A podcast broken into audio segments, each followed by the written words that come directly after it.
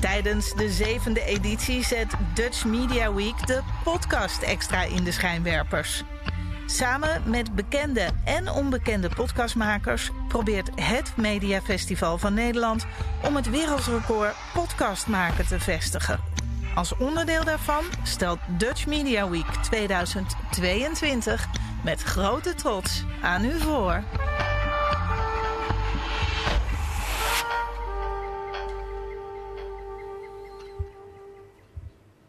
Goedemiddag. Welkom dit prachtige boekhuis, Boekhandel Voorhoef in Hilversum. En u hoorde het al net in de leader. Eh, het gesprek dat ik vandaag ga hebben met Henny Everts en Peter Schavenmaker... maakt onderdeel uit van een recordpoging podcast maken. Totaal 200 uur. Gisteren gestart en uh, doorgaan tot en met volgende week zondag. En dat dan weer als onderdeel van de Dutch Media Week. Um, voor de gasten hier aanwezig, elk geluid, elk gekuch dat u nu uh, oplevert... zal worden vereeuwigd in dat wereldrecord. Dus als u onderdeel wil zijn van iets wat uh, tot in de eeuwigheid uh, bekend zal blijven, dan, dan kan dat vandaag. Als u maar niet de groeten wil doen aan alles en iedereen. maar dan weet u in ieder geval dat dit gebeurt en dat het onderdeel is van die wereldrecordpoging podcast maken. Um, er zijn wat mensen hier inmiddels aangeschoven. Ik zou het leuk vinden om, uh, om aanwezig in het gesprek te betrekken. Dat doen we dan een beetje aan het einde van het, uh, van het interview. Omdat we uh, mensen even hier voor de microfoon moeten krijgen als, dat, als er vragen zijn. Welkom Henny Everts en Peter Schavenmaker. Um, ik stel mezelf eerst even voor, dan hoef ik dat niet meer te doen. Mijn naam is Jan Muller, ik ben de interviewer van dienst. Um, directeur-bestuurder van de RPO, de, de koepel van de regionale publieke omroep. Hiervoor um, werkzaam geweest als directeur van het Nederlands Instituut voor Beeld en Geluid. En ook nog een aantal jaren als directeur van de National Film and Sound Archive gewerkt in Australië. Nu weer terug in Nederland en hier op het warme Hilversumse nest. Uh, welkom Henny en Peter. Ik stel jullie even kort voor, zodat de, de bezoekers en de luisteraars weten met wie we te maken hebben. In het komende nou, anderhalve uur uh, zullen we jullie ongetwijfeld veel beter gaan leren kennen. Uh, maar toch even een eerste kennismaking. Peter, ik begin bij jou. Uh, Peter Schavenmaker van 1967. Een mooi bouwjaar inderdaad. Geboren in Nijverdal. Onderdeel van het verzorgingsgebied van de omroep waar we vandaag nog heel veel over gaan hebben. Geboren zo'n 30 kilometer van uh, waar jij bent uh, opgegroeid. Waar jij jeugd hebt doorgebracht. Maar getogen in Hilversum volgens mij. En als journalist ook kind van de omroepwereld mag ik wel zeggen. Begonnen bij TV Privé van Henk van der Meijden. Nou, dat is de beste start denkbaar volgens mij. En, en, na aan het wereldje te hebben geproefd, verder gegaan bij Radio Veronica, Caro, NCV en nog veel meer. Als freelance journalist werk je onder meer voor Radio 2, Telegraaf, Novum, Varagids, noem maar op. En ben je, en ik heb hem meegenomen, um, ik ga hem even hier laten zien, ben je de schrijver van deze Bijbel. Het boek over 100 jaar Hilversum Mediastad, vier jaar geleden uitgekomen. Ik noem het, ik noem het een Bijbel. Voor mij is het het naslagwerk over hoe Hilversum uitgroeide van omroepdorp tot mediastad. En nu dus gewerkt aan het boek um, over de persoon waar we vandaag mee spreken, Jongen van Kotten, over het leven en werken van Henny Everts. Maar ook over de ontwikkeling van regionale journalistiek van de regionale omroepen. En dan is het vandaag precies 30 jaar geleden dat er werd gestart met regionale televisie. Dus een beter moment dan dit kunnen we, het niet, uh, kunnen we niet hebben. Peter, even bij jou beginnend. Uh, ik mag jou wel een journalist van de gedegen soort noemen. We kennen elkaar uh, inmiddels al wat langer en vrij goed.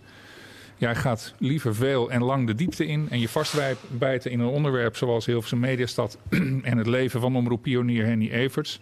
In een interview zeg je dat je het fijn vindt om duiding te geven. En bij de presentatie van dat boek over 100 jaar Hilversum Mediastad zei je onder meer uitpakken, daar hou ik van, voor de radio, maar zeker ook als ik schrijf aan boeken als dit. Een mooi interview, de diepte in, de feiten erbij. Ik ben niet van de korte baan, maar van de marathon. Hoe langer, hoe beter. Nou, zonder nu al op de inhoud in te gaan, uh, kon je lol een beetje op met dit onderwerp? Ja, zeker. Ja, niet alleen om, omdat ik natuurlijk van oorsprong een tukker ben, uh, maar opgegroeid ben in Hilversum, zoals je al zei. Uh, eigenlijk getogen in Hilversum.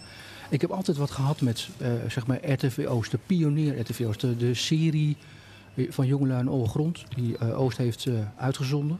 En ook mede bedacht is door Hedy, daar komen we misschien straks nog even over te spreken.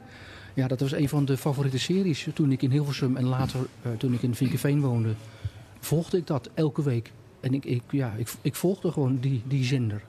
Dus ja, ik heb zeker iets met, uh, met het onderwerp, om het even zacht uit te drukken. Ja, dat is duidelijk. En dan gaan we het straks nog veel duidelijker krijgen. ik volg jou een beetje en ik zie regelmatig foto's van, van bekende mensen plaatsen. Grote namen die je in het verleden hebt geïnterviewd in de muziek en in de omroepwereld. Je zegt ook ergens in een interview: Ik heb echt een zucht naar Nijverdal. Um, een beetje die combinatie van die foto's van vroeger, het, het, de zucht naar Nijverdal. Ben, ben, je ook nostalgisch? Kleurt dat jouw werk? Ik ben heel nostalgisch. Ja, ik ben echt wel een, in die zin een kind van de jaren 60. Ik, ben, ik vind het heerlijk om die, die muziek te horen. Maar ik vind het ook interessant om, om te kijken hoe de muziek nieuw is.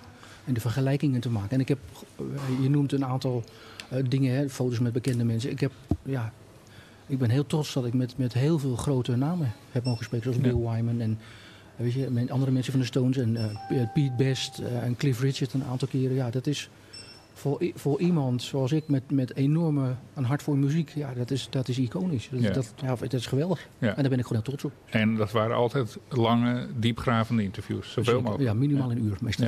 Ja. Kom daar nog maar eens om. Dank je Peter. We gaan er straks verder over praten, weet ik zeker. Henny, over naar jou. Henny Everts, officiële naam Hendrik Theodorus, geboren op 9 september 1947 in de nasleep van de Tweede Wereldoorlog en alweer midden in de Koude Oorlog. En dat uh, warme en koude, dat kwam ook volgens mij uh, tot uiting toen jij ergens beschreef dat uh, jouw moeders uh, zwangerschap van jou destijds zowel de koudste winter ooit als de warmste zomer ooit besloeg. En in die periode ben jij in negen maanden gegroeid. Um, even een schets van de tijd uh, waarin jij werd geboren. Uh, en beginnen met een leuk feitje, want ik dat toch wel vaak tegenkwam toen ik jou, jouw datum even door de Google haalde. 9 september 47, een grappig feitje. op de dag dat je werd geboren was sprake van wereldwijd de eerste computerbug. In dit geval op de Harvard University in Boston. Het was geen softwarebug, zoals we later met z'n allen vreesden bij de millenniumwissel in 2000. Maar een echte bug, een beestje dat in de computer terecht was gekomen. Dat beestje is onsterfelijk geworden. Dat wordt overal genoemd op op de dag van jouw geboorte. Ik vond het een leuk voorval. Ook in het licht van waar we het straks misschien nog even over gaan hebben. Uh, het internettijdperk en de journalistiek. Uh, maar ook in 1947, Gerard Reven publiceerde zijn debuutroman uh, De Avonden. De NAM werd opgericht. Nou, daar zijn Sint-Noorden nog steeds blij mee. Het Marshallplan werd geïntroduceerd, ook iets heel wezenlijks in de wereldgeschiedenis. Juliana nam het stokje over van Wilhelmina. En bekende schrijvers in die tijd zijn Vestdijk, Bertus Avies en Louis Paul Boon. Dat klinkt als lang geleden, hè? Ja, dat is heel lang geleden. Ja. dat klopt, ja. ja. Geboren in Tuindorp, het Lansink in Hengelo. Een mooi, ik heb foto's bekeken, het ziet er inderdaad heel, heel mooi prachtig uit. Beschermd gezicht, in feite gebouwd door Stork voor zijn medewerkers. Ja. Um, kun je ons eens meenemen in die eerste jaren in dat tuindorp? Enerzijds staat te lezen dat je een relatief goede jeugd hebt gehad in dat mooie tuindorp. Maar je noemt ook het gezin ook um, geen samenhangend geheel en knuffelvrij. Wat voor jongetje was jij in dat tuindorp? Nou, ik was een, uh, zeg maar een beetje een qua jongen eigenlijk. Hè. En ik ging mijn eigen gang. Dat heb ik de rest van mijn leven eigenlijk ook gedaan. Uh, dat is daar denk ik ontstaan in die uh, wijk Tuindorp. Dat, de wijk het Korte, waar de jongen van Korte aan vernoemd is, ligt daaraan, begrenst daaraan. Ja. En, en daar kon ik vrij uit mijn jeugd beleven. En ik was nu helemaal gek op voetbal. Dus de hele dag trapte ik tegen een balletje. En als er geen bal was, dan was het wel een blikje. Dat maakt allemaal niet uit. En dat was eigenlijk mijn leven. En thuis, ja, dat was echt een arbeidersgezin. Mijn vader werkte inderdaad bij Stork, 40 jaar lang. En mijn moeder was gewoon huisvrouw. En uh, ja, het was een vrij sober bestaan eigenlijk, met elkaar. Maar ja, daar had ik niet zoveel mee te maken. Ik ging mijn eigen gang, ik was altijd buiten. En uh, ze moesten uh, lang wachten voordat ik weer binnenkwam. Ja. En dan ging ik mijn eigen gang buiten. En dan wist je ook waar je naartoe moest, want je verhuisde nog wel eens, hè, ik in het boek. Nou, uh, nou ja, was regelmatig. Dat was mijn vader. Hè, die, ja. dat wil, mijn vaders wil was wet in die tijd. Ja. Dan kon ik wel zeggen, ik vind het niet mooi. Nou, dan kon je een draai in je oren krijgen. Maar dat ging gewoon door. En hij had, uh, want we woonden in Tuindorp, geweldige wijk, had ik net vertelde. Ja. Dan ging hij verhuizen naar een, een, huis vlak bij de fabriek. Zodat hij uh, tussen de middag warm kon eten thuis. Kon hij lopend af. Terwijl de arbeiders daar langs de muur zaten met een broodtrommeltje en koude thee vaak. En hij kon gewoon thuis warm eten. En hij keek letterlijk uit vanaf de eettafel op de fabriek, hè? Ja. In die ja, tijd. Ja, ja, waar de zware dieselmotoren draaiden en heel Hengelo trilde. Trilde, ja. ja. ja. Bijzonder. Je schrijft ook vrij persoonlijk over, over je leven als, uh, als jongetje in dat tuindorp. En bijvoorbeeld over je ouders, die, die uh, natuurlijk een oorlogsverleden hadden, zoals iedereen van die generatie, en daar eigenlijk niet over spraken. En dat, dat deed ook niemand volgens mij in die generatie. Was dat iets heftigs? Heeft dat voor jou een deel van je jeugd bepaald? Nee, absoluut niet. Nee. Want ze spraken er gewoon niet over. Ik uh, ben gelukkig na de oorlog uh, opgegroeid. Ja. En, eh, en daar werd niet over gesproken. Nee. En alleen op een bepaald moment, dat, zeker toen mijn vader overleden was, ontdekte ik in zijn nachtkastje een paar gele krantjes en dat was de waarheid. Hij had dus in de oorlog de waarheid had hij, eh, gelezen. Ja. Dat zei toch wel iets. Ja. Maar toen was hij al overleden. Ja. Heeft hij nooit over gesproken. Nooit over gesproken. Nee. Nee. En hij werd, moest ook, eh, hij was ook betrokken bij de april-mei-staking in Hengelo, bij Stork. Een hele grote staking was dat, die landelijk... eh, 43. Ja, ja, ja. En daar was hij ook bij betrokken. Ja. En hij moest ook weer terug in, in Duitse dienst, zeg maar. Maar toen heeft hij bij de vijver in het riet gekropen en hebben hem, hem nooit kunnen vinden. Ja. Maar hij heeft dus duidelijk wat meegemaakt. Ja. Mijn moeder, maar ze spraken er niet over. Want thuis werd er met veel plezier naar de Duitse tv gekeken. Het- Daar hadden ze helemaal geen moeite mee. Nee. Dus dat ontging mij een beetje. Ja. Pas later kwam ik erachter. Nou, ze moeten toch veel meer hebben meegemaakt. Tuurlijk, ja. Ja. Maar daar werd niet over gesproken. Je, je oma, of je opoe in het boek speelt ook een, een, een grote rol. Hè? Wat tamelijk eigen gereide dame die, die bij jullie in huis leefde. Ja. eh, maar waar later ook geen contact meer mee was. Ja, dat, was de opoehoed van mijn vaders kant. Ja. Die had een huisje voor ons gekocht in Hengelo. En omdat het in die tijd een enorme woningsnood was. Dus dat was een uitkomst. En die leefde apart in een kamertje met een stuk of twintig katten, geloof ik. Die stank, die kwam gewoon bij onze kamer binnen. En, eh, maar daar had mijn vader een hele slechte verhouding mee. Want hij nam haar kwalijk dat eh, zijn vader, eh, die had TBC. En die werd door zijn, door zijn vrouw in een tentje gelegd in de tuin. En daar stierf hij ook. Dus dat was een hele coole verhouding. En, eh, en op een bepaald moment had Open het huis ook gewoon verkocht. Stonden we op straat, moesten we weer zoeken naar Ja. een woning. Ja. En hij is ook, toen Open is overleden, is hij ook niet naar de begrafenis geweest. Nee. Nou, dat soort verhouding. Dat soort eh, verbitterde verhoudingen, ja. Ehm, je had het over Kotten. En het boek heette De Jongen van Kotten. Wanneer eh, ben je van, van het tuindorp naar Kotten verhuisd? En waarom is dit de titel geworden? Ja. Waarom niet De Jongen van het tuindorp bijvoorbeeld? Ja, nou, ik vond het mooie klinken trouwens, een jongen van Korte. Eh, maar eh, ik heb eh, niet in Korte gewoond hoor. Maar de, de school waar ik naartoe ging, dat was de lagere Korte school. Een witte school. En die was ge- opgebouwd uit het puinhopen van bombardementen op Hengelo. Door de geallieerden, hè? Die, niet door de Ja. Duitsers. Ja. En die stenen werden, gebruikt om die korte school te bouwen en een wijk, Korte Wijk. En die werd wit overgekalkt om te voorkomen dat mensen dachten, wat zijn dat lelijke stenen? eh, Dat doet ons denken aan de oorlog, dat moet gecamoufleerd worden. En, en daar heb ik altijd gevoetbald, gespeeld enzovoort. En in het korte dus. En dat heeft je gevormd die tijd. Ja, achteraf hè. Ja. Ben je op dat moment niet Tuurlijk mee niet. bezig. Nee. Nee. Achteraf blijkt dat zo te zijn. Ja. Dat je dan die qua jongen bent gebleven. Ja. Als we even een volgend stapje zetten, hè, van, van qua jongen naar, eh, naar, journalist, naar journalist. Je, je journalistieke loopbaan. Je begint in 70 als sportverslaggever bij de Twentse Courant. Ehm, je schrijft ergens in het boek, je moeder zou nooit je artikelen lezen omdat ze geen Roomse krant in huis wilde halen. Dat klopt. Deed dat iets met je? Vond je dat Nee. Heftig, nee, of Nee, nee. was zoals het was? Ja. Ja. Ja, ja. ja. Zo was het ook in, in mijn jeugd, was, zo stond ik daar ook in. Nee, ze wilde absoluut geen Roomse kranten in huis. En haar moeder was hetzelfde, ja. maar anti-Rooms. ja. Daar vonden ze allemaal niks. Had ze ruzie mee altijd. Ik herinner me nog wel dat mijn opa een keer een klomp eruit gooide aan de overkant van katholieke mensen. Nee, dat was... eh, nee, die krant kwam er niet in. Nee. Dus dat speelde nog En mijn vader accepteerde dat gewoon op een of andere manier. Ja. Dus die hebben nooit een artikel van mij gelezen. Ja, ja bijzonder. Ja. Dan begin je in ehm, 1985 bij Radio Oost. Ehm, en daar ging iets aan vooraf. Ergens lees ik dat je door de Raad van Commissaris van de Twentse Courant was afgewezen. Dus je kon daar niet langer blijven. Wat, wat gebeurde daar? Nou, op een bepaald moment eh, eh, werd de huidige hoofdredacteur, of Jan Ode Bruning was dat, die eh, bleef vaak thuis. Op een of andere manier voelde hij zich niet meer lekker in het bedrijf, terwijl hij een progressieve hoofdredacteur was. Maar doordat hij zo lang weg was, kwam, ging de redactie morren. En ze zeggen wel een nieuwe hoofdredacteur. En die discussie vond plaats buiten Jan Ode Bruning om. En ik kreeg een grote meerderheid mee als eh, potentiële hoofdredacteur dat ik het zou worden. En eh, alleen de Raad van Commissarissen en de directie beslissen daarover. Dus die, daar heb ik een gesprek mee gehad.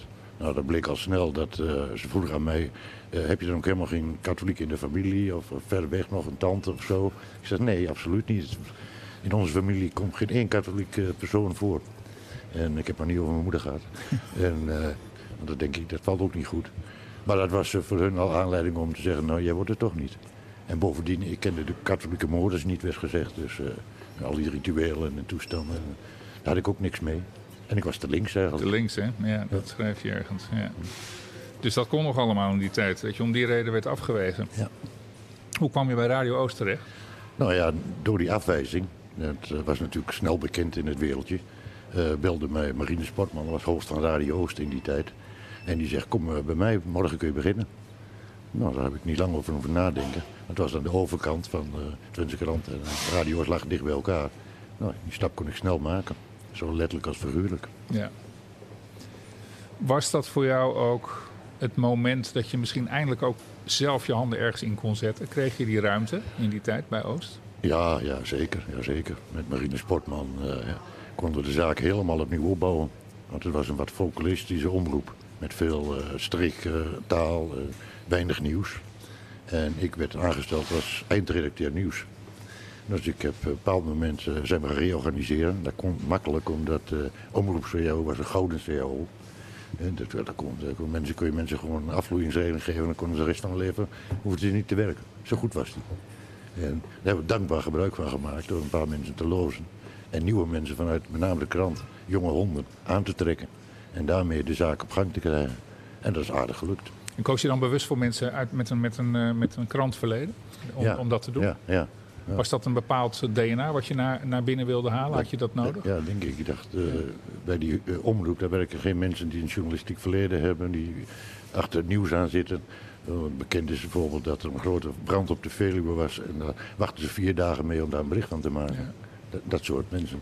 En die, die, hadden we niet nodig. En Als bij de krant had je mensen die bovenop het nieuws zaten. En het radiovak kun je wel leren. Moest ik ook. Ja. En je kende ze natuurlijk. Ja. Dat speelt natuurlijk mee. Ja. Um, los van nieuws hebben regionale omroepen natuurlijk ook een rol op het gebied van het cultuurdragerschap. Ja, taal uh, is een van de dingen, we hadden het er ook over, Peter. Een belangrijk aspect natuurlijk voor, voor Oost geweest. Hoe ging je daarmee om? Want ja, je zegt je focust destijds erg op nieuws. Tenminste, dat is wat jij binnenbracht. Hoe, speelde cultuur daarnaast een rol? Waren dat, dat er een waterscheiding? Was dat, nee, nee, nee. Ik vind dat uh, een mix moest het zijn. Het streektaal is ontzettend belangrijk. Althans voor Radio Oost. Zeker in Twente. Uh, de meeste mensen kunnen platbroden, zoals dat dan heet. En uh, daar moet je zeker rekening mee houden. En we hebben zeker iemand als dan Harmut Riesen aangesteld. Dat is een geweldige programmamaker op radio. Die een enorme binding had met, met onze luisteraars. En als je dan dat doet en ook, en ook veel regionale muziek uitzendt. Plus de nieuws brengt. denk ik een prachtige formule. En we werden ook marktleider uiteindelijk. Ja. In uh, Overijssel, ja. ver boven de landelijke zenders. Ja, ja, ja by far. Hè? Wat, wat kun je daarover vertellen? Want uh, dat was nogal wat dat je de grote landelijke zenders voorbij streefde. Ja, we hadden op een bepaald moment... Uh, we begonnen eigenlijk met, met nul. Dat is niet helemaal waar natuurlijk. Maar, en in, op het hoogtepunt zaten we op 250.000, 300.000 luisteraars per dag. Nou, dat was ver boven de landelijke zenders. En dat was natuurlijk ook de aanleiding om over tv na te denken. Ja. En dat was uh, misschien makkelijker gezegd dan gedaan, want um, um, van radio naar televisie, um, nou, het gebeurde voor het eerst in 1992. Dus een jaar of zeven nadat je daar startte. Een leek zou zeggen, rijkelijk laat. Televisie in Nederland begon al op 2 oktober 51. Dus dat was uh, nou ruim, precies 41 jaar later, op 2 oktober 92 begint de regionale omroep, in dit geval TV Oost, voor het eerst met een tv-uitzending. Uh, jij bent dan 43. Zijn we niet gewoon erg laat gekomen, televisie, in die regio? Of Oh. had dat andere redenen? Nou, we zijn zeker laat. Dat is een, een goede constatering. Maar het werd niet toegestaan. Nee, De mediawet eh, moest veranderd worden precies. om een experiment met publieke regionale televisie mogelijk te maken. Dus ik moest een hele politieke traject door met de Tweede Kamer en zo. En eh, dat was heel merkwaardig, omdat ik in eh, Oostenrijk en in Engeland en in Duitsland en in Frankrijk al lang had gezien dat daar regionale televisie gewoon normaal was als onderdeel van het nationale bestel. Maar in Nederland had je de verzuiling. En die omroepen die wilden dat allemaal niet. En die strijd moesten we ook aan. Dus ging jij de lobby in? Ja, ja. Deed je zelf? dat deed ik zelf, ja. Ja. En Samen nog met Ben Groenendijk, dat was toen eh, Ja. de, eh, zeg maar de directeur van Rooks, heette het toen ja, nog. een van mijn voorgangers. Een van jouw voorgangers, ja. En die had natuurlijk veel politieke contacten in de Tweede Kamer. Maar ik zelf Had heel veel eh, contact met eh, Bert Middel van de Partij van de Arbeid en Helmer Koetje van het CDA. En dat was in de tijd dat het CDA en de PvdA de dienst uitmaakten in, in dit land, maar ook in Overijssel. Zeker de CDA. Dus die kreeg ik mee, heel mee. En het werd eigenlijk een hamerstuk. Want niemand in de Kamer interesseerde zich daarvoor. Behalve die twee dan. En eh, dat, dat, het lukte. Maar voor die tijd, voordat er echt for- formeel een wet was, dat een driejarig experiment toestond, begonnen wij al uit te zenden. Dus illegaal. Z- zonder geld. We gebruikten radiogeld in feite, en radiomensen, om illegaal televisie te maken. Tot woede van veel mensen bij Ja. Radio Oost. Ik heb hier het amendement in mijn handen van, eh, vanuit het eh, archief van Peter Schavenmaker. Een amendement van de leden Koetje en Middel inderdaad op 24 april 91. Waarin ze voorstellen om, ehm, om met televisie te gaan beginnen. Ehm, aangezien de financiering van regionale omroep bedoeld is voor het verzorgen van radioprogramma's... gaan de indieners ervan uit dat deze middelen niet worden gebruikt voor het verzorgen van een regionaal televisieprogramma. Daar ga je, Henny. Dus je was ja. eigenlijk al een piraat voordat je begonnen was. Ja, dat klopt. Want in die tijd eh, kregen we ook de koningin nog op bezoek voor een rondleiding. En ik heb haar maar niet verteld dat ze illegaal aanwezig was. Maar dat komt dus ook allemaal. Dat is Ja. wel bijzonder. Ja, dat kon allemaal. Ja, ja. Vandaar die qua jongens. Ja, precies. Nou, Daarom vraag ik me af, hadden we jou nodig om die televisie van de grond te krijgen uiteindelijk? Nou, anders had een ander het wel gedaan. Nou ja, ik. misschien. Maar in ieder geval ben jij daar wel heel eh, bepaald in geweest. Nou, iedereen zei dat lukt je nooit. In Don, Don Quixote, dat, dat lukt je niet. En ik kreeg ook heel veel negatieve ingezonde brieven.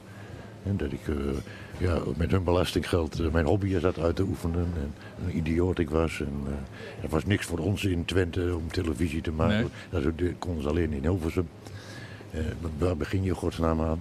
Radio is al moeilijk genoeg. En, nou ja, stuk of tachtig ingezonde brieven zijn er al geweest. Ja, Allemaal anti. anti ja, ja, maar dat heeft... Ja, En later waren, stonden ze allemaal achter mij. Ja, als het goed gaat de wereld in elkaar, als het goed gaat, dan heb je vrienden. Ja. Dat is duidelijk. Maar op dit moment moest je, je moest iets eh, gaan, eh, gaan losmaken, gaan eh, bewerkstelligen. Eh, de- nou ja, deels door je waarschijnlijk je vasthoudendheid en je eigen karakter eh, ben je daarin geslaagd. Ehm, maar je zegt eh, televisie voor Overijssel en de Overijsselnaars was niet zo belangrijk. Deed er niet zoveel toe. Ja. Ehm, uiteindelijk begin je wel. Hoe, hoe werkt dat dan in zo'n provincie? Maar hoe bedoel je niet zo belangrijk? eh? Nou ja, ik, ik proef een beetje dat je zegt, ehm, al die ingezonden brieven, Oh, ja. die, die, die geven blijkbaar aan dat men er of niet op zat te wachten, of te kritisch over Ja, was, of misschien wel bedreigd. Ik weet het niet. Nou, het kwam dus voort uit het feit dat we hadden veel luisteraars. Hè, zeg maar een kwart miljoen gemiddeld. En toen dacht ik, die- mensen zullen toch ook wel naar tv's kijken. Als je dat voor de grond weet te krijgen. Ja. Alleen zij dachten, dat krijg je nooit voor elkaar, want dat kunnen we niet. En, en het geld is er niet voor. Dus begin daar niet aan. En ook intern had je dus de kritiek van hier op radio's naar de knoppen. Bij de eigen mensen. Dus die, die sfeer is het allemaal Precies, gebeurd. Precies. En, het, en ik, we hebben ook op het randje van het faillissement gestaan met Ja. televisie. Dus had ik hartstikke fout kunnen gaan. Ik heb hier een Dat was een dubbeltje op zijn kant, zeg ik. ja, ik heb hier een ander artikeltje ook uit eh, Peters archief. En daar staat eh, van 1 september 92, er staat ook letterlijk regionale televisie moet zich binnen drie maanden bewijzen. Had je, had je, kreeg je zo'n soort deadline mee van de politiek ook of Nou, niet? daar heb ik niet, me niet veel van aangetrokken, eerlijk Nee. gezegd. Van andere dingen ook niet trouwens. Maar ik ging gewoon mijn eigen gang. Ja. Je wordt gequote in dit, eh, in dit artikeltje van, eh, van 30 jaar geleden. En daar staat zoals het een goed piraat betaamt. Dus ehm, ja, die, die naam had je toen al. En ehm, blijkbaar heb je dat ook als een soort geuzennaam gedragen. En daarmee ook deel, en veel, veel dingen bewerkstelligd. Daar kom ik zo nog even verder op terug. eh, als we het over de interviews gaan hebben die ook in het boek staan. Dankjewel. Ehm even over die start, Peter. Even naar jou. Ehm, het boek het gaat niet alleen over het levensverhaal van, eh, van Henny. Ehm, er staan veel interviews in. Ehm, hoeveel interviews totaal? Ongeveer 36. 36. Een, een mooie vond ik, een leuke ook in dit verband. Ehm, eh, even als bruggetje net eh, naar aanleiding van het starten van die televisie. Het interview met, met Maggie Dobson, de presentatrice van die eerste uitzending. Eh, kun je daar eens wat over vertellen? Ze stond het decor nog te strijken eh, voordat ze voor het eerst live ging, begreep ik. Ja, zo, zo ging dat. Echt zeg maar met houtje en touwtje. Net zoals dat eh, de eerste uitzending op een zolder in Hengelo. Met, ik heb allemaal beelden gezien, ook achter de schermen. Daar zie je allerlei dozen staan door Sony, van Sony. Omdat Sony een grote sponsor was van de eerste televisieuitzending. Dat is ook een van, de, een van de pioniers geweest, dat bedrijf. Maar Mickey stond inderdaad met een strijkijzer vlak voor aanvang het stukje nog te, te maken. En ja, het ging het houtje touwtje. Ja, er ging ook wat mis hè, met die uitzending, die eerste uitzending. Ja, ja, het ging eigenlijk meteen mis. Terwijl de, de, de foyer van Oost vol zat met allemaal automatoten. Uh, ook de politici die zaten er. En ja, toen kwam eens het, het bordje even geduld, de AUB. Dus ik weet niet, Henny heeft natuurlijk dat allemaal bewust meegemaakt. Maar ik kan me voorstellen dat dat een enorm schrik-effect bij hem had. Dat hij eindelijk alles op de rail zat voor de, voor de televisieuitzending. En dat dan op het moment suprem het, het, ook nog mis dreigde te gaan. En ook nog misging, zeg maar. Ja. En, en zelfs dat bordje niet met even geduld de AUB niet gevonden kon worden, ja, vertelde ze in dat interview. Ja. Kun je nog herinneren waar het over ging, die eerste uitzending? Welke items erin zaten? Ik herinner mij nog een item dat ging over het feit dat Twente een uh, vliegverbinding wilde hebben met Schiphol. In die tijd. Kun je ja. nagaan hoe dat uh, ja. nu ligt. Ja. Dat herinner ik me ja. van. En ook iets over alle... Go Ahead Eagles. Had ook nog in het boek staan alle fragmenten uit die uitzending uh, beschreven wat de inhoud was van, van die korte uitzending. van 20 minuten of zo. Ik las de risicowedstrijd van Go Ahead Eagles. Die werd genoemd inderdaad. Ja. Iets over de Schiphollijn nog. Ja, Schiphollijn. Um, en inderdaad dat gedoe met het instarten van het, uh, waar, waar, het misging. En dat beruchte bordje even geduld AB dat niet kon worden gevonden. Het, ik geloof dat Maggie Dobson daar ook niet al te veel actieve herinneringen meer aan had. Maar het nee, was nee, grappig om beetje, dat te lezen. Nee, dat klopt. Um, Henny.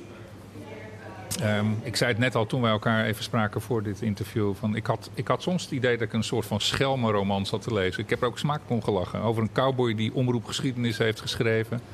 Een, een, pionier die de regionale omroep op de kaart zet. En misschien wel de regio in, zijn, in, in het algemeen. Maar ik vroeg me af of je misschien ook ergens op een gegeven moment een soort van autoriteitsprobleem hebt ontwikkeld. Um, en dat, dat koppel ik eigenlijk aan wat ik las. En een fantastisch en herkenbaar interview met, met Dick Buursing, voormalig uh, PvdA-gedeputeerde, die de wind van voren krijgt als hij besluit dat hij wil weten hoe die omroep nou eigenlijk met die 10 miljoen euro subsidie omgaat. Um, Jij was vrij duidelijk destijds. In het boek staat te lezen dat je zei: publieke omroep zijn onafhankelijk en dat moet vooral zo blijven. Als Dick wil weten hoe wij hier werken, dan mag hij meekomen lopen. Uh, wat gebeurde daar? Ja, nou ja, dat er was natuurlijk een haat-liefdeverhouding met de gedeputeerde die ontstond. En uh, bekend is ook geweest op een bepaald moment dat hij bij ons in de studio stond. En dat de voorzitter naar hem toe liep en hem citroen overhandigde als zuurpruim. En dat werkte als een rode lap op een stier op die gedeputeerde. Maar die werd nog verder. En hij wilde eigenlijk een beetje op onze stoel gaan zitten. Kijken. Want hij vond eigenlijk dat we niet de goede programma's maakten. En hij had ook het voorstel van dat we in een creatieve fabriek moesten gaan zitten met kunstenaars. En weg moesten van zo'n uh, industrieterrein waar we zaten. Nou, allemaal dat soort ideeën. Nou ja, dat, uh, en hij vond ja, uh, dat hij de financier van ons was. Maar het geld werd gewoon vanuit Den Haag naar de provincie doorgesluist. En die sluist het weer door naar de, naar de regio. Gelukkig is dat nu opgelost. Ja. Het is gewoon via het Rijk die het nu doet. Maar dat was een hele gespannen verhouding. En hij, hij nam geen blad voor zijn mond. Nou, ik zei net herkenbaar en daar moest ik ook wel om lachen. Ik bedoel, eh, sinds de bekostiging niet meer via de provincie loopt, maar de minister van, van OCW, eh, is, dat, is dat misschien wel wat anders geworden. Maar ik kan me ook wel voorstellen, ik, ik zit als bestuurder vaak met het commissariaat voor de media aan tafel, die zeg maar onze toezichthouder is. Ja. Ik kan me wel voorstellen dat vanuit, nou ja, laat zeggen, de doelmatige besteding van middelen er wel meegekeken zou kunnen worden door zo'n gedeputeerde in die tijd. Daar ben ik het wel mee eens. Maar dan gaat het om hoe stelt hij zich dan op? En op een bepaald moment uh, uh, uh, twijfelde hij aan onze kijkcijfers. Dus die kloppen niet. Die worden landelijk gemeten, KLO was dat in de tijd. En die kloppen niet. Het is veel minder. Niemand kijkt ernaar. Ik hoor niemand die TVO's kijkt. En als stadsmensen redeneren die naar mij kwam het Enschede dan. En ik zeg, nou, maar die, dat zijn officiële cijfers, dat wordt gemeten. En, en elke omroep in Nederland accepteert dit. En ook adverteerders. Nee, daar klopt niks van. We gaan eigen onderzoek doen. Heeft hij gedaan. En uit het onderzoek kwam naar voren dat hij dat het veel slechter was dan het landelijke onderzoek. Maar dat bleek helemaal niet waar. Want het bleek, het zag te kopie te zijn van wat we KLO al had, had bevestigd. Maar hij bleef volhouden dat het niet klopte. Niemand keek tegen. Nou, en op die manier ja, krijg je geen, uh, geen constructief uh, overleg met elkaar. Hij ging nog een, een spade dieper volgens mij. Want hij, hij, ging zich ook afvragen hoe sterk de regionale zender geworteld is in de samenleving. In de Overijsselse samenleving. Ook, ook dat nog, ja. ja. Wat vond hij daarvan? Miste hij dat? Of? Ja, nee, hij zegt het is helemaal niet geworteld. Niemand, zit, uh, niemand luistert, kijkt. Uh, ik hoorde er tenminste niemand over. Dat ze ooit gekeken of geluisterd hebben naar jullie. Uh, die cijfers kloppen ook niet, daar gewoon niet steeds op terug. Jullie stellen eigenlijk niks voor. Maar als jullie mijn plan volgen, je gaat naar de creatieve fabriek in Hengelo met kunstenaars samen weg van het industrieterrein. En dan ontstaat er iets hartstikke moois. Ik wil jullie gewoon helpen. Maar zijn argumenten kwamen vooral vanuit zijn vriendenkring die eigenlijk gewoon niet keken en luisterden. En toen dacht hij, ja, dan kijkt en luistert de rest van de provincie ook niet. Dus dat was zijn eigen kringetje waar hij zijn mening op baseerde. Ja, want Peter, jij sprak hem ook voor het interview. Ja. En je vertelde net ook dat eh, zijn mening was niet herzien in al die Eh, jaren. nee, zeker niet. Nee, nee. En het opvallend is natuurlijk dat hij van de Partij van de Arbeid is. Terwijl notabene de Partij van de Arbeid een van de partijen was waar we net over hadden. De, zeg maar de twee partijen die ervoor hebben gezorgd dat de wet uiteindelijk is gekomen. Dus het is een beetje een soort outlaw binnen de Partij van de Arbeid op het Ja. gebied van regionaliteit. Ja. Maar hij, hij vindt het inderdaad nog steeds. En hij, hij zegt zelfs in het boek dat hij Oost tegenwoordig gewoon nog steeds irrelevant vindt. Dus er is niks veranderd. Volgens mij is zijn gevoel zelfs nog sterker geworden tegenover eh Oost, heb ik het idee. Dan is er Dat toch iets misgegaan in die tijd. Ja, ja, eh, ja, ja, ja. dat gebeurt soms. Hè. Dat gebeurt soms. Om, om daar even op door te gaan, Henny, dat gebeurt soms. Ehm, hè, ik, ik heb het nu een paar keer over. eh ja, probleem met autoriteit. eh, cowboy, pionier, word je ook vaak genoemd. Ondernemer ben je natuurlijk altijd geweest. Ja, en of je dan een journalist met autoriteitsissues bent of niet. Alles wat je hebt gedaan, heb je gewoon gedaan. Dat blijkt ook wel uit dat boek. Tegen alle stromingen in en misschien wel zelfs tegen alle journalistieke mores in.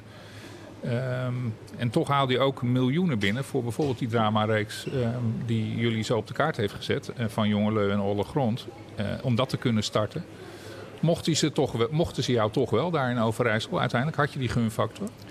Ja, ik ben er waarschijnlijk mee geboren. Eh, ik heb daar nooit iets voor gedaan of gestudeerd. Het was er gewoon. Maar het heeft denk ik te maken met het feit dat je de ander respecteert. Dus dat je luistert naar de ander. Ja. En dat je argumenten meeneemt. Wat dus met Buursing helemaal fout ging. Maar met anderen, met de commissaris van de Koningin in die tijd, Jan Hendricks. En met de baas van de, van de Edel, eh, nu Essent. Ja, daar kon je gewoon mee dis- eh, discussiëren en je plannen voorleggen. En die werden meteen enthousiast. Want die, die commissaris dacht ook hartstikke mooi. Regionale publieke televisie in Overijssel, dat, dat zie ik wel zitten. Misschien wel als propaganda-instituut voor zijn eh, provincie, maar goed. Maar die kreeg je op die manier wel mee. En die man van de Edon, die, eh, ja, die wilde het kabelnet beheren in Noord- Noordoost-Nederland. Dus die kreeg je ook mee. En als je daarop inspeelt, ja, dan, dan lijkt het alsof je de gunfactor hebt. En- maar en- maar ja. het is ook in hun eigen belang. Het is ook tactiek, zeg je. Ja. En, en ze- jij zegt ze gingen mee, maar verwachten ze in ruil daarvoor ook een bepaalde manier van, of een bepaalde mate van, nou, invloed is misschien een groot woord, maar enige zeggenschap? Eh, Gebeurde dat? Probeerden ze dat? Nee, nee, nee, Nee. absoluut niet. Nee. Eh, zeg maar, de commissaris die wist wel dat je de publieke omroep eh, niet op de vingers moet gaan kijken en, en, en moet bepalen wat te uitzenden. Nee, dat had hij wel goed door. Oké, Maar hij zou het wel leuk vinden als we deden. ja. ja. Voorzichtig. Ja, ja. Toch, ja. Ehm, Peter, toen wij elkaar spraken in het kader van dit interview en dat we even aan het voorbereiden waren met elkaar, had je het over Henny's unieke stijl. En je zat net ook te knikken toen het ging over die, die gunfactor. Je herkent dat. En je hebt natuurlijk zoveel eh, gesprekken gevoerd, al die interviews gedaan. Ehm, en je zei ook ergens dat hij soms wel alles op het spel kon zetten. Hè? Inclusief misschien wel de carrières van zijn medewerkers. Zeker. Eh, leg, leg eens uit. Nou ja, dat was op het moment dat Henny met televisieplannen kwam. Eh, en je zei net, citerend uit, die, uit het abonnement, dat dat geld eigenlijk helemaal niet gebruikt moet worden voor tv-plannen of überhaupt eh, plannen buiten de radio. Henny heeft zeg maar ook een aantal mensen van de radio gevraagd van ja, ik ben met televisieplannen eh, bezig en willen jullie mee? En als jullie meegaan en het gaat mis met televisie, ja, dan zijn jullie je baan kwijt. Dus hij zette eh, gewoon echt de, de carrières van heel veel mensen op het spel. En zie je daar in die unieke stijl, komt dat, is dat een rode draad ook door die interviews die jij hebt afgenomen? Nou, Rode Draad is denk ik een gunfactor. Ik denk dat hij precies op het goede moment op de goede plek was. En dat hij eigenlijk ook door zijn verhaal, mm, dat natuurlijk eh, een Overijsselse slash eh, Twentse inslag had, dat hij ook de juiste mensen aansprak op wat er destijds in Hilversum gebeurde. De arrogante houding van Hilversum. En- en- Waardoor de mensen die zeg maar, voor het zeggen had, hadden in, in Overijssel de kans zagen om, om daar een, tegen, een tegendruk op te hebben. En te zeggen, wij gaan het gewoon doen hier in Overijssel. Wij zorgen gewoon dat wij een eigen pad kiezen. En, en daar hebben wij Henny voor nodig. Zo is het denk ik ontstaan. Zeg maar. de, daar is denk ik ook een beetje die gunfactor door ontstaan. Die, die tegendruk die de provincie dacht, nou, die kunnen we mooi richting Hilversum leggen. En dan doen we het gewoon zelf. Want vanuit Hilversum mogen, mogen we dat niet. Hilversum ziet ons als een paard van Troje. Eh, ja, het is geen kans dat we het misschien op die manier kunnen redden. Dan doen we het gewoon zelf. Hoe ver ging dat, die Hilversumse bemoeienis? Nou ja, in die zin dat uh, op geen enkele wijze wilden meewerken. De, om- de omroepen, hè. De omroepen wilden gewoon niet meewerken aan eh, het, financieren van TV Oost. En ze bleven maar in gesprek en, en rekken en doen bekende manier van eh, de zaak traineren in feite. En want we hadden wel goede contacten met zeg maar, de programmamakers en zo. Zeker bij de NOS. Dat was geen punt. Maar het zat hem in de besturen van de omroepen met name. Die hun eigen verzuiling in stand wilden houden. En eigenlijk eh, voor, zichzelf aan het vechten waren. En zaten ze niet te wachten op zo'n regionaal eh, omroepje die ook nog even uit de ruif wilde meeeten. Ja. En dat gevoel had je voortdurend. En ik heb toen gesprekken gevoerd met Wolfensberger, was toen eh, voorzitter van, de, van het bestuur van de NOS en, Ja. en van de Lau daarvoor. En die waren heel positief. En Nico Haasbroek was toen hoofdredacteur van het NOS-journaal, die was ook positief. Maar gingen ze terug naar de omroepen, die waren tegen. En ze kregen het er gewoon niet door. En er zou een soort vensterplan zouden dan komen, van, eh, wat in het buitenland heel normaal is. En, eh, maar dat ook werd afgeschoten, uiteindelijk. En er zat misschien ook wel wat gebrek aan politieke power op dat moment achter met Wolfsbergen met, met een D66-achtergrond. Ja. Ehm PvdA en de CDA die destijds de dienst uitmaakten. Ja, ja, Speelde dat nog een rol, denk je? Weet je niet, vaak was het wel een politieke benoeming, die functie. Ja, En misschien nu nog wel zo is hoor. Dat, eh, men zegt het. Over, dat, eh, over de landelijke invloed zou ik zo nog wel even willen hebben. Volgens mij zit Tom Verlind hier ehm, in de zaal. Ehm, ik hoop dat ik je straks even een paar vragen kan stellen. Tom, is dat goed? Over dit onderwerp? Graag. Ehm, ik ga even terug naar ehm, de gesprekken die ik heb gevoerd met mensen, ook ter voorbereiding op dit, eh, op dit interview. Een aantal keren heb ik van mensen gehoord eh, uit ons vakgebied en ook wel eh, dicht tegen, tegen jullie aanschurkend dat. Eh, het valt ook te lezen in het boek trouwens. Dat, dat, dat RTV Oost wel eens beschreven werd als een café met uitzendvergunning. dat is een mooie uitdrukking. Ja, dat klopt, klopt ook het? nog. Dat klopt ook nog. Ja.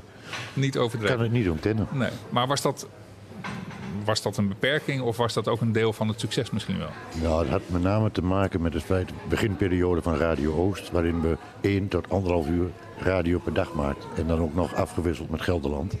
Dus we hadden heel veel vrije tijd. Ja, dan ga je niet de hele dag eh, gaan schaken of verdammen of zo. Moet je zeker En niet. hadden zo'n automaat waarin eh, het eh, Henneke was vervangen door Grols. Dat wordt natuurlijk. Ja. Nou, en die was snel leeg. Ja. Dat klopt wel. Ter inspiratie. Ja, vandaar dat we nog 12 uur radio moesten. En dan ook een eind aan het eh, drankgebruik. ging de machine op slot. Ehm, Peter, even, ehm, eh, even terug naar, ehm, naar het boek. Wat is het nou eigenlijk? Ik zat te denken, ik noemde net, ik, ik had het idee dat ik een soort schelmenroman zat te lezen op sommige momenten. Eh, maar het is ook een soort biografie. Een soort Eh, autobiografie, dus- zei je dus- ook in de voorbereiding. eh, Ja, ja, ja. Ja. er zit een Historisch boek. Er zit een, ja, precies. Dus documentair ook in zekere zin. Maar hoe, hoe, hoe beschrijf jij het? Als een hoop werk. Ja. Maar dat is jou wel toevertrouwd, dus dat weten we, dat je daar veel werk in stopt. Nee, het, is een, het, is, het eerste deel is een, is een roman. Zeg maar het, het, het leven van Henny, waar we het net over hadden. Qua jongen. Dat is het eerste deel. En het tweede deel is zeg maar historische op, opsomming van, van hoe allerlei ontwikkelingen eh, in de krant en in de televisiewereld in, in Overijssel, maar ook met links, met, met hier in het westen, om dat te beschrijven. Dat is, dat is het beste. Die, die twee delen. Het is ook duidelijk geen RTVO's boek. Het is wel handig goed, goed om dat nog even te benadrukken. Dat zou te smal zijn. En ook een boek alleen over Henny zou ook te smal zijn. Maar die, juist die combinatie met die verschillende lagen, dat maakt het boek. En dat is heel lastig om dat, om dat een labeltje te geven. Ja, dat hoeft ook misschien helemaal niet. Maar ik, ik vroeg het me meer af. Ik vond het namelijk vrij uniek in zijn, in zijn stijl daardoor. Wat, wat ik leuk vond, is dat alles wat ik in, de, in het biografisch deel las eh, over jouw leven, Henny, eh, vervolgens bevestigd zag. Of soms ook wel ontkracht zag in de interviews die daarop volgen. Dus die link die, die je altijd kunt leggen, dat maakt het, eh, wat mij betreft, heel, eh, zijn heel leesbaar. Heel veel parallellen hè, zeg maar in de opgroeiing van, van Henny. En later zijn keuze als eh, krantenman en als, als televisie, eh, als omroepman. Om, om keuzes te maken in programmering. En, de, de komst van Jongeren Jongeren en Oorlogrond. En heel veel andere dingen. Dat, dat heeft allemaal zijn oorsprong in het eerste deel, in zijn jeugd. En dat is, dat, dat is uniek om dat op te schrijven natuurlijk. Het gebeurt niet zo vaak dat iemand dat in zijn jeugd nou ja, later voor elkaar krijgt, om daar een televisie- of een radioprogramma of uh, krantenartikelen over te schrijven. Dat, dat, wie kan dat zeggen? Nee. Het boek ontstond ook hè, in zekere zin op die manier. Precies, het, het was uh, misschien wel al, al werkende, hebben jullie het uh, tot de vorm gekregen die het nu heeft. Ja, hoe, hoe, hoe, hoe, ben jij aanvankelijk te werk gegaan? Je had vooraf ongetwijfeld een beeld wat je wilde bereiken. Um, nou ja, gaandeweg veranderde dat, maar... Uh... Nou, vooraf het beeld wat ik vooraf had was in eerste instantie het idee om een boek over RTVO's te schrijven. zeg maar vanwege de innovatieve kracht waar ik het er straks al even over had. Um, ja, dan, dan kom je automatisch bij Henny uit. En Henny was al sinds zijn pensionering bezig met het opschrijven van zijn eigen biografie. Hij had zelfs plannen gehad om het bij een, uh, bij een boekhandel via een boekhandel uit te geven. Um, ja, en zo zijn eigenlijk dingen in elkaar geschoven. En zo zijn ook de interviews ontstaan waar je het over hebt, die zeg maar die duiding geven naar, naar beide kanten. Ja, dat is bij, tijdens het werken is dat zo ontstaan. Ja. En vervolgens heb je inderdaad heel veel tijd gestoken, ongetwijfeld in die interviews. 36, zei je. Um, ja, gepubliceerd. Hè. Er zijn veel meer interviews gemaakt die als bron hebben gediend. Die het boek niet gehaald ja, en ook als bron hebben gediend. Ja. Noem er eens één of twee die er voor jou uitsprongen. Wat, wat waren nou de, de bijzondere verhalen die jij voor jezelf hebt opgehaald daar? Of de dingen die je totaal niet had zien aankomen? Wat, wat, noem eens een paar die voor jou eruit sprongen. Nou, ik vond het interview met Helemaal Vinkers uh, bijzonder. Toen dat af was, uh, dat moest ik helaas telefonisch doen vanwege corona. Maar toen ik het af was, toen mailde ik naar Henny, kan ik me nog wel herinneren dat ik dat als een soort kroon ja. op mijn werk zag. En Henny zei ook, die mailde ook meteen terug, ja, dus inderdaad kroon op je werk. Zo zie ik het ook nog steeds. Ja. Waarom? Ja, omdat hij omdat helemaal heel openhartig is in het boek over hoe het gegaan is. Hoe het zeg maar met een idee op een papiertje ontstaan is. Zo'n serie wat later eigenlijk niet alleen een succesvolle serie bij Oost is geweest. En sterker nog, later er heeft voor heeft gezorgd dat het fenomeen regio soap, regio drama zoals je wil... Uh, is ontstaan in Limburg en bij West en in Noord. Uh, nou, overal in eigenlijk bijna alle provinciale omroepen. Um, hij openhartig. En ik vond um, de gesprekken met Jan Hendricks ook heel mooi. Een stille diplomaat die toch eigenlijk misschien wel dankzij mijn uh, voorbereiding zeg ik misschien een beetje aanmatigend, maar dat is niet zo bedoeld. Um, eigenlijk ja, open, openbrak en dacht van nou ik wil het verhaal mooi vertellen en dat, daar krijg ik nu de gelegenheid voor. Dat, is een, dat was een ten twee interviews die ik uh, heel erg helder nog heb uh, staan. Ja, ja. En bepalend voor het totale verhaal ook ja, blijkbaar. Zeker, ja, zeker. Ik, um, ik heb er ook een paar waar ik even uh, verder met jullie over wil hebben. Hedy Dancona. Um, ik ken haar nog als, als mediaminister en ze is ook destijds belangrijk geweest ook voor het behoud van het audiovisuele erfgoed. Dus ze heeft mede aan de wieg gestaan van, uh, van beeld en geluid. Mm -hmm. En, en ook verant verantwoordelijk, of in ieder geval mede uh, bepalend geweest voor het digitaliseren van ons, van ons erfgoed. Uh, destijds was ze als mediaminister ook belangrijk voor dit onderwerp. Um, in, dat, in dat interview zegt ze dat lokale en regionale, uh, regionale radio en tv als normaal onderdeel van het publieke bestel zag. En dat ze voor uitbreiding van de publieke omroep aan zich was. En dan vooral televisie. Was haar rol doorslaggevend, denken jullie? Indirect, denk ik, zou ik zeggen. Of waren het toch Middelkoop en Koetje die uiteindelijk de, ja, zeker. Ja, de echte zeker. belangrijke spelers volgens mij is zij indirect wel belangrijk geweest. En misschien komt zij een beetje afstandelijk over in het interview. Uh, heel veel dingen wist niet meer. Ik heb eigenlijk wel een beetje moeten helpen met wat feiten en zo. Ze noemde Omroep kwamen, Oost hè, ook steeds, ja, geloof ik. Ja, ja. Toen kwamen er wat dingen naar boven. Maar ik, ik, zou, ik zou zeggen dat dat meer een indirecte rol is geweest. Er zat ook weinig armslag van uh, in binnen het kabinet. Ja, totaal. Er zat Kok uh, tegen die no tv keek. Uh, die moest op een stoel vastbinden om te zorgen dat hij televisie keek. Ja, dat zijn natuurlijk wel uh, mooie quotes om uh, te gebruiken. Maar ja. uiteindelijk, onder de streep van het interview kun je zeggen dat zij toch wel gewoon een voorstander was ook van uh, regionale televisie. En ook blij is dat, ze, dat dat er gekomen is. Heb jij haar zelf ook gesproken, Henny, die tijd? Ik heb haar wel eens gesproken, niet voor het boek. Dat heeft uh, Peter. Nee, maar echt in de tijd dat je hiermee bezig Ja, was. omdat ze toen ook uh, ons toestond om reclame uit te zenden. Dat was in die periode dat op uh, regionale radio mocht reclame uitzenden. Dat heeft zij geregeld. En ook gesprekken over gehad. Maar wij hadden subsidie gevraagd. En nee, dat, uh, dat krijg ik niet voor elkaar. Maar ik wil jullie wel toestaan dat je reclame uitzendt. Alleen de helft van de uh, netto winst die je maakt moet naar de uitgevers. Die, die moeten gecompenseerd worden. Dus kregen we een soort uh, raad van commissarissen met de directie van de kranten bij. Ja. Dat was een heel merkwaardige constructie. En hoe lang duurde dat? Want dat, dat dus lijkt heeft niet lang geduurd. Nee, dat kan me nee. voorstellen. Ja. Dat liep absoluut niet goed. Nee. Dus, uh, maar toen mochten de uitgevers zelf ook radio maken en commerciële radio. En toen was dat niet meer nodig. Nee. Maar daar heb ik, heb ik contact over gehad met uh, Hedy Kona. En die was altijd wel positief over lokale en regionale omroep. Zeker. Ja. Zeker publiek, hè? Publiek. Er zat wat minder affiniteit met de commerciële. Nee, dat zegt ze ook. Hè. Het, het publieke bestel dat, eh, dat heeft haar, eh, haar aandacht hier. Een ander interview wat ik eh, zelf al eh, indrukwekkend vond was met Danny de Vries. Ja, dat Een, vond ik ook een medewerker die, die letterlijk de ontploffingen in Enschede bij de vuurwerkramp meemaakte op 2 mei eh, 2000. Toen heeft 13 mei 2000.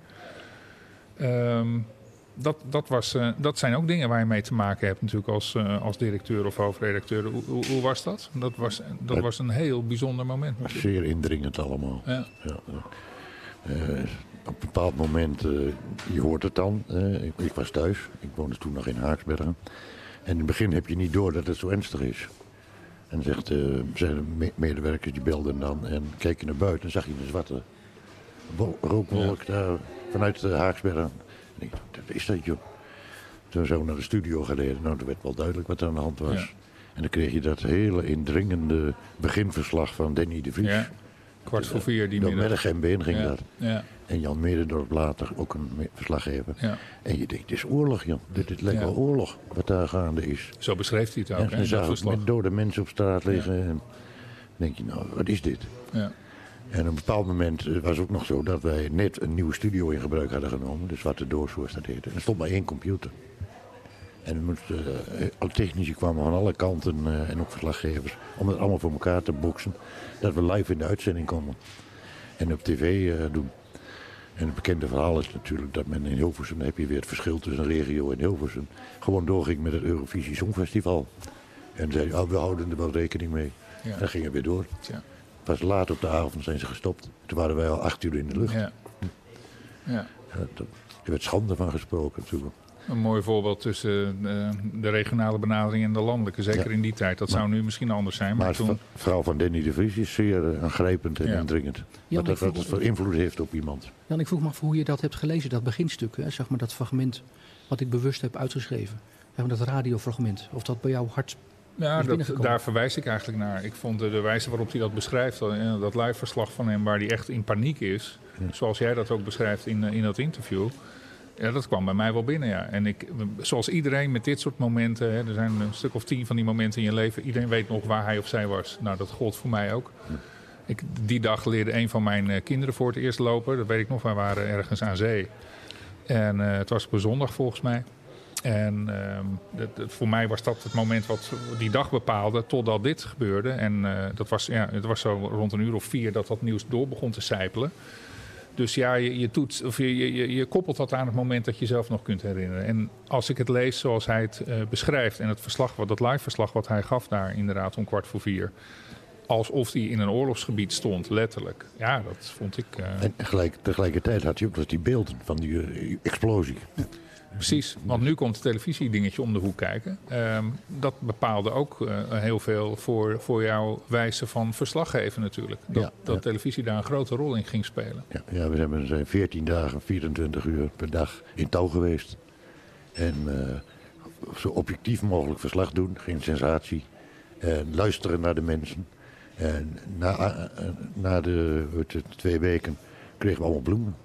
De hele studio lag vol met bloemen. Mensen die ons bedankten voor de wijze waarop Radio en TV Oost dit gedaan hadden. Ja, En Radio Oost is daarvoor beloond met de Marconi Award. oké. ja. Dat vind ik wel mooi. Ja. En een indrukwekkende brief van de burgemeester. hè, Ja, ook, ja. ook dat, bijzonder. Heel Ja. bijzonder was dat toch. Ja. Dat, eh, Ja, nee, dat werd hoogelijk gewaardeerd Ja. door de, onze luisteraars en kijkers. En hoe ging eh het landelijke journalistiek om met jullie op dat moment? Nou ja, iedereen wilde de beelden van eh Denny Precies. natuurlijk hebben. Dat, dat stond bovenaan. En ook zijn verhaal. En, eh, ja, en toen moesten ze zelf eh, aan de slag. Zonder ons of wat Ja. dan ook. Dat, deed, dat deden ze ook wel. Ja. Da- daarna is het wel opgepakt door de media. Maar het was niet zo dat je daar eh, redacties eens bij elkaar ging brengen en eh, kijken of je dat samen kon Nee. pakken, dat onderwerp. Dat Nee, gebeurde niet nee, in die tijd. absoluut niet. Nee. Nee. Iedereen ging, was met zichzelf bezig. Ja. Is misschien nu nog wel zo. Maar daar gaan we het zo nog even over hebben. Ik ben wel benieuwd hoe je daarnaar kijkt. Ehm, interview met Jan Mededorp vond ik ook, eh, is volgens mij ook een, eh, een, een, sowieso een bepalende figuur geweest eh, in, de, in de hele geschiedenis van, van Oost. Ik hoop dat in het interview dat, daar doorheen, dat je daar doorheen leest dat hij eigenlijk een hele grote mond heeft. Maar dat hij een heel klein hartje heeft. Dat hij in feite eigenlijk een hele aardige man is, maar dat het een soort, ja, soort karakter is die hem ver heeft gebracht. Ja, nou, ik, ja, ik las vooral zijn betrokkenheid bij, bij een en ander en ook jullie samenwerking. Maar hoe, hoe heb jij dat ervaren als interviewer? Uh, dat, dat hij eigenlijk, uh, niet, eigenlijk liever niet wilde geïnterviewd worden. En toen ik met feiten stapeltjes papier op tafel tegenover hem zat en eigenlijk ja, op die manier probeerde te overbluffen van ja, ik weet eigenlijk veel iets meer dan, dan jij had gedacht. Ja, toen, toen brak hij wel open en toen Ja. ging hij wel heel open, openhartig, de openhartigheid waar, jij het over hebt, eh, ging hij wel vertellen. Ja. Dus dat Ja. heeft wel geholpen. Maar anders is hij altijd heel stug en wilde hij eigenlijk helemaal niks en is hij altijd bozig, eh, zeg maar op die manier. Maar tijdens de interview was het precies tegenovergesteld. Maar dat kwam vooral eh, door alle stukken die op tafel lagen. Ja. Dat hielp wel. Ik wil even met jullie nu het eh, een beetje meer richting het heden beginnen te komen. Ehm, ik wil even met jullie naar, ehm, eigenlijk naar de toekomst. Het hele onderwerp internet ehm, en online journalistiek. Het is duidelijk dat jij weinig, eh, althans in, als interviewer heb je weinig contact gehad met, eh, met jouw opvolger, eh, Marcel Oude-Westerlink, directeur destijds van Oost, later na jou. Inmiddels ook net weer afgezwaaid.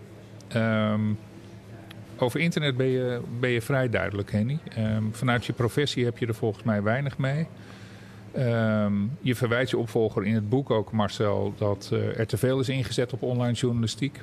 Eh tv een beetje in het verdomhoekje is geraakt en, eh, en de website en de app nu voorop staan. Nou, dat is, dat is een constatering natuurlijk. In, dit, in het boek eh, en ook in de interviews merk je dat wel. En, jij neemt geen blad voor de mond, hè, zoals we hebben gemerkt. En, privé gezien, dat, dat, vond daar moest ik ook wel weer om lachen, omarm je het internet wel. Je hebt na je tweede echtscheiding, vertel je, ben je het geluk in het digitaal domein gaan beproeven. Je hebt je partner gevonden na een reeks dates via internet die ook mooi worden uitgemeten in het boek. Eh, je huidige partner gevonden waar je nog steeds eh, een deel van het jaar mee samenleeft. Eh, maar toch, dat, dat internet, die toekomst van de journalistiek, of niet, misschien in jouw optiek. Hoe, hoe kijk je daarnaar? Wat, wat is nou jouw opvatting op dit moment? daar? Nou, je hebt al duidelijk gemaakt dat ik niet anti-internet ben. Nee. Dat is zeker Nee, niet het geval. internet is een prachtig medium. Ja. Dat gebruik ik dagelijks. Dus dat, dat is niet aan de orde. Maar wat mij omging is, ik zie de omroep RTV Oost als een omroep die in de eerste plaats radio en televisie maakt. Publieke radio en televisie. En internet gebruikt als aanvulling, als verdieping. En, en dat die zaken niet omdraait. Niet online first en dan radio en, en, en we maken geen tv-programma's meer. Wat eigenlijk zo gezegd is. Waardoor ook heel goede mensen eh, weggaan bij zo'n omroep. Dan denk ik, ja, ben je dan nog wel een omroep? Nou, volgens Marcel zijn we ook geen omroep meer bij eh RTV Oost. Je ziet ook de RTV als hele kleine lettertjes nu. Een heel groot Oost. Dat geeft het elk al aan. En ik denk, dat is mijn persoonlijke mening, dat ze daarmee de eh, verkeerde weg inslaan. Dat ze toch veel meer aandacht moeten besteden aan eh, televisie. Waarmee je, want je hebt een uniek radiokanaal, je hebt een uniek tv-kanaal. En op internet kan iedereen terecht. En dan moet je zoeken. En, daar kijk je ook gezamenlijk niet meer naar. Eh, dat je op die manier, denk ik, de Overijsselse bevolking eh, te weinig biedt. En dan logisch dat dan de kijkcijfers eh, dalen. Als je niks te bieden hebt. Is dat oorzaak en gevolg wat jou betreft? Ja, ja. Zeker. En ehm, even meer in algemene zin. We, we, we lezen natuurlijk ook dagelijks dat ehm, het kijkgedrag sowieso verandert hè, van de Nederlandse consument. Ja. Ten eerste ehm, eh, is, er veel meer, eh, is er veel meer beschikbaar. Er is veel meer aanbod. Ja. Hè, met alle online kanalen, maar ook alle, alle platforms. Eh, mensen besteden meer tijd aan Netflix. Tien jaar geleden bestond dat nog niet. Dus het gaat ook over de tijd die mensen kunnen besteden aan het bekijken van dingen. In dit geval televisie van RTV Oost. Denk je niet dat dat er ook gewoon mee te maken heeft? Dat het gewoon een tendens is die niet meer te keren valt? En dan los van kwaliteit of, eh, of, of geloof eh, bij een redactie in, in televisie of niet? Nee, ik denk dat het klopt wat je zegt. Maar aan de andere kant, dat betekent dat je als regionale omroep eh, veel meer moet bieden dan wat je nu doet. Is, nou, bijvoorbeeld de, de regio-soap was een mooi voorbeeld ervan, van Jongeleu. Je zou ook in die trant kunnen denken van welke identiteit leeft daar in Overijssel, wat, je nergens anders kunt vinden in, eh, op Netflix of waar dan ook. Eh, ga je onderscheiden met programma's die gewoon de mensen, nou zou ik een beetje willen zeggen, in hun ziel raken. En daar moet je, op je, daar moet je je eigen publiek voor kennen. En dan moet je daar eens mee bezig. En bovendien, je mag ook wel een beetje ondernemerschap tonen. Niet zeggen, ja, dat geldt niet. Je kan ook proberen middelen van derden binnen te halen. Dat hebben jongelui ook gedaan. Je hebt sponsoren, je hebt adverteerders, eh, overheden, noem maar op. En, het wordt altijd maar geroepen, ja, we hebben het geld er niet voor. Ja, het heeft ook te maken met welke kwaliteit heb je in huis. Heb je de kwaliteit in huis om dit soort programma's te maken? Nou, dus ik denk dat het wel kan. Alleen, ja, de concurrentie is gigantisch. Ik, zit, ehm, ik, zie, kijk even achterom. Hier zit eh, Henk-Jan Karsten, die zit volgens mij op zijn handen nu ongeveer. Eh, huidige hoofdredacteur van RTV Oost. Hij is hier vandaag. Ehm, eh, dit hebben we niet voorbesproken van tevoren, maar Henk-Jan, er wordt nu van alles gezegd. En ik denk dat het best goed is als jij ook eens jouw visie daarop geeft. Ik ken jou goed. We, zijn met z'n allen ook binnen de regionale omroepen en de, de 13 totaal, de 13 omroepen die, die onder de RPO vallen, continu bezig met, met dit soort vraagstukken. En daar hadden wij het net ook over. En dat is natuurlijk ook niet nieuw. Maar wel belangrijk. Hè? Hoe, hoe, blijf je relevant in dat gigantisch ingewikkelde. Nou, in die gigantisch ingewikkelde technologische ontwikkeling en, en, en de gunst van de kijker of, of de nieuwsconsument, zo je wilt. Um, Henk-Jan, ik weet dat jij ook midden in een storm zit. Op, meerdere, op meerdere fronten bezig bent binnen je bedrijf. Zoals Henny dat ook ooit zat. Uh, jij bent ook met die toekomst bezig. Hoe, hoe kijk jij daarnaar? Ik, ik, zie daar wel grote parallellen in zelfs. Hè. Ik hoorde Henny aan het begin vertellen dat hij het, het, radiobedrijf waar hij toen binnenkwam... eerst die journalistieke, het journalistieke DNA erin moest brengen. Nu krijg ik wel eens het verwijt dat het journalistieke DNA er te weinig of te veel in zit. En dat we weer veel meer naar die verbinding moeten kijken. Maar je zegt al, we zitten in het, in het oog van de orkaan. We zijn bezig om uh, de omroep ook weer opnieuw uit te vinden, opnieuw te positioneren. Juist ook in, in Overijssel. Dat heeft hier alles mee te maken. Want die dubbele opdracht, je refereerde daar eerder in het gesprek aan. We zijn aan de ene kant een journalistiek bedrijf wat de opdracht heeft om het nieuws in onze provincie op een goede manier over het voetlicht te brengen. Maar we zijn ook een hele belangrijke bepalende factor in die verbinding in de provincie.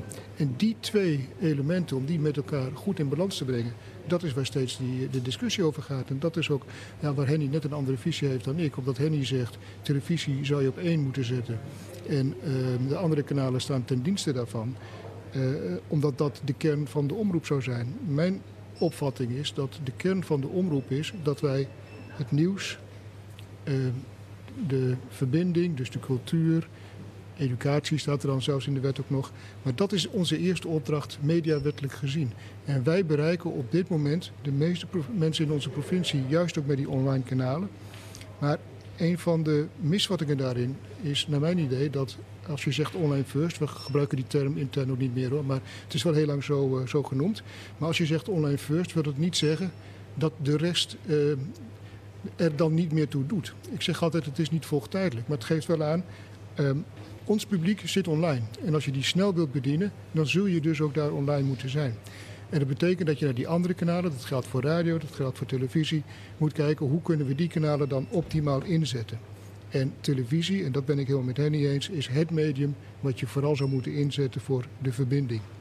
Minder voor, we maar zeggen, het, het, het, het nieuws in de klassieke zin. Mm. Heel vaak hebben mensen dat overdag al lang gezien. Maar juist die verbinding, juist laten zien wat de kracht van de provincie is, hoe mooi die provincie is, wat er aan cultuur in de provincie is. Daarvoor is televisie een buitengewoon uh, geschikt medium. Maar het is ook en dat kent Henny als geen ander, want die heeft dat uh, van dichtbij meegemaakt. Het is ook een buitengewoon kostbaar medium. En dat is voortdurend die, uh, die spanning die je hebt. Ja. Ergens in een interview met, recentelijk, Henny, met uh, Twentse Krant Tubantia volgens mij, zeg jij... door de eenzijdige focus op web en app is RTV Oost blind voor wat inwoners van Overijssel bindt. Henk Jan heeft het hier duidelijk over de tv als bindend medium. ben jij dan gerustgesteld? Als het vorm wordt gegeven, wel ja. Nou, dat zal, wel... zal nog wel moeten gebeuren. Want op dit moment is het uh, vrij karig wat op tv te zien is. En zeker geen verbindende programma's. Dat is mijn opvatting hoor.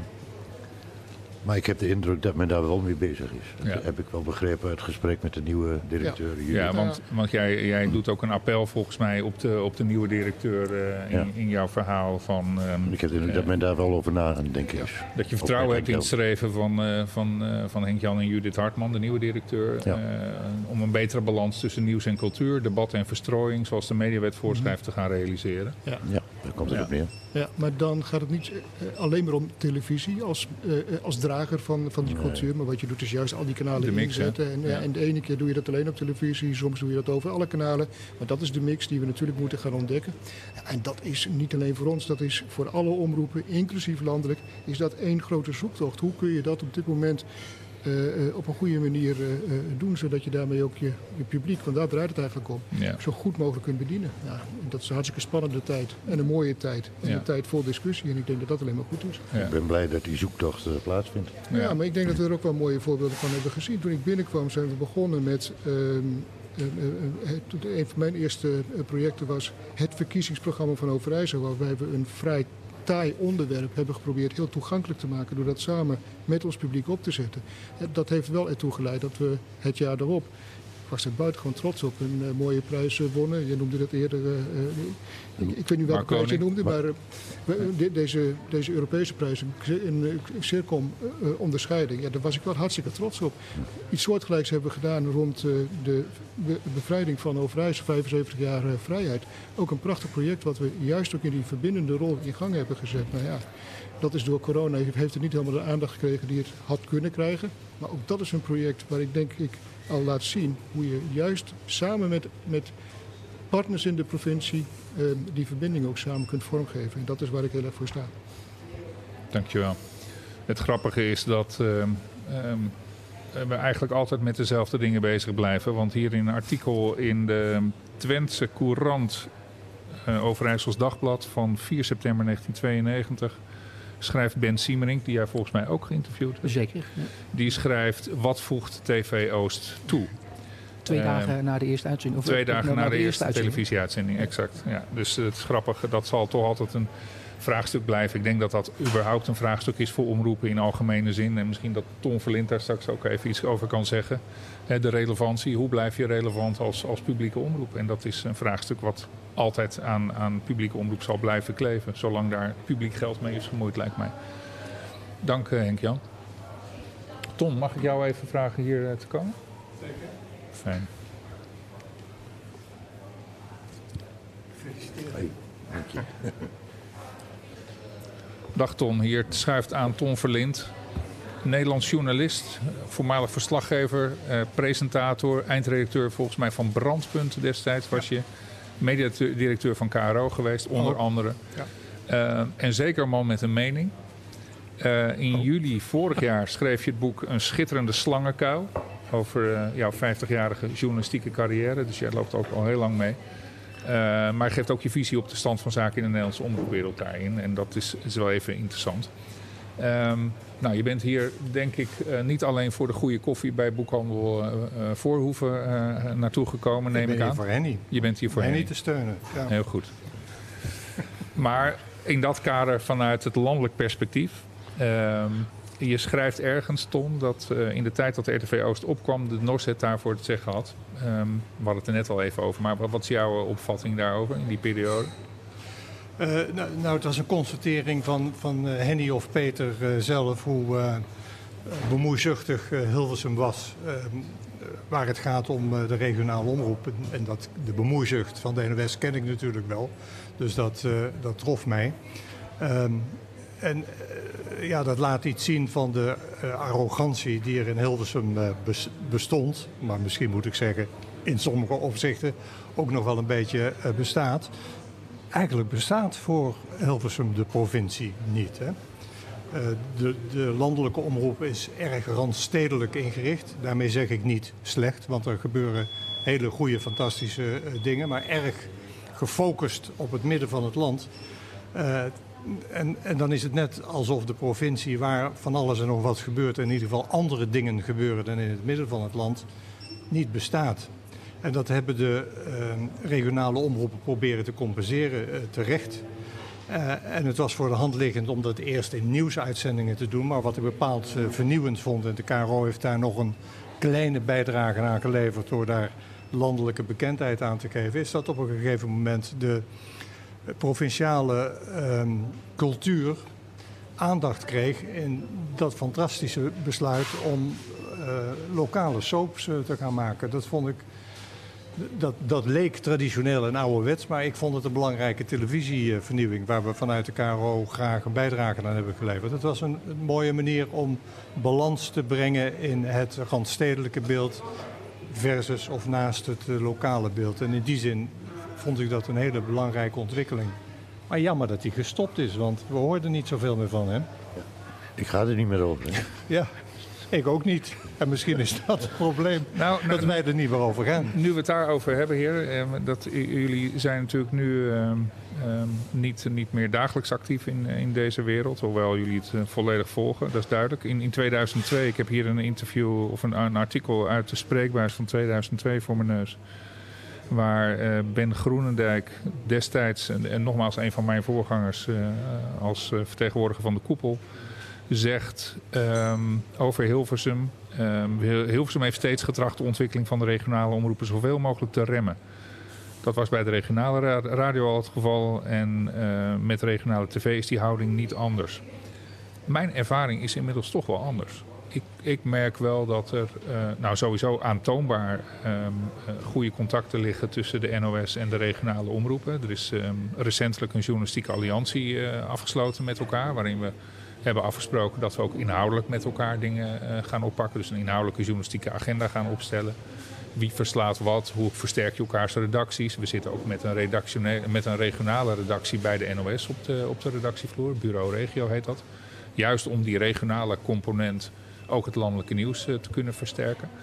Ehm, ik vind dat wel een, ehm, een ontwikkeling, moet ik zeggen. En dat is ook niet iets van de laatste tijd. Hè. Dus daar, is jaren aan gewerkt. Maar het is wel een stap in de goede richting, volgens mij. Zeker, Een hele goeie. zeker. Eh, e- even een kleine correctie op jouw inleiding, die op zich eh, eh, klopt. Het is niet zo dat alleen de, de, de grote omroepen bepaalde ontwikkelingen frustreerden. Dat deed de regio zelf vanuit een bepaalde Calimero-effect, Ja, laat ik zo maar zeggen. Ik, ik wilde het woordje ook arrogantie gebruiken, maar dat kun je niet twee keer gebruiken in dezelfde situatie.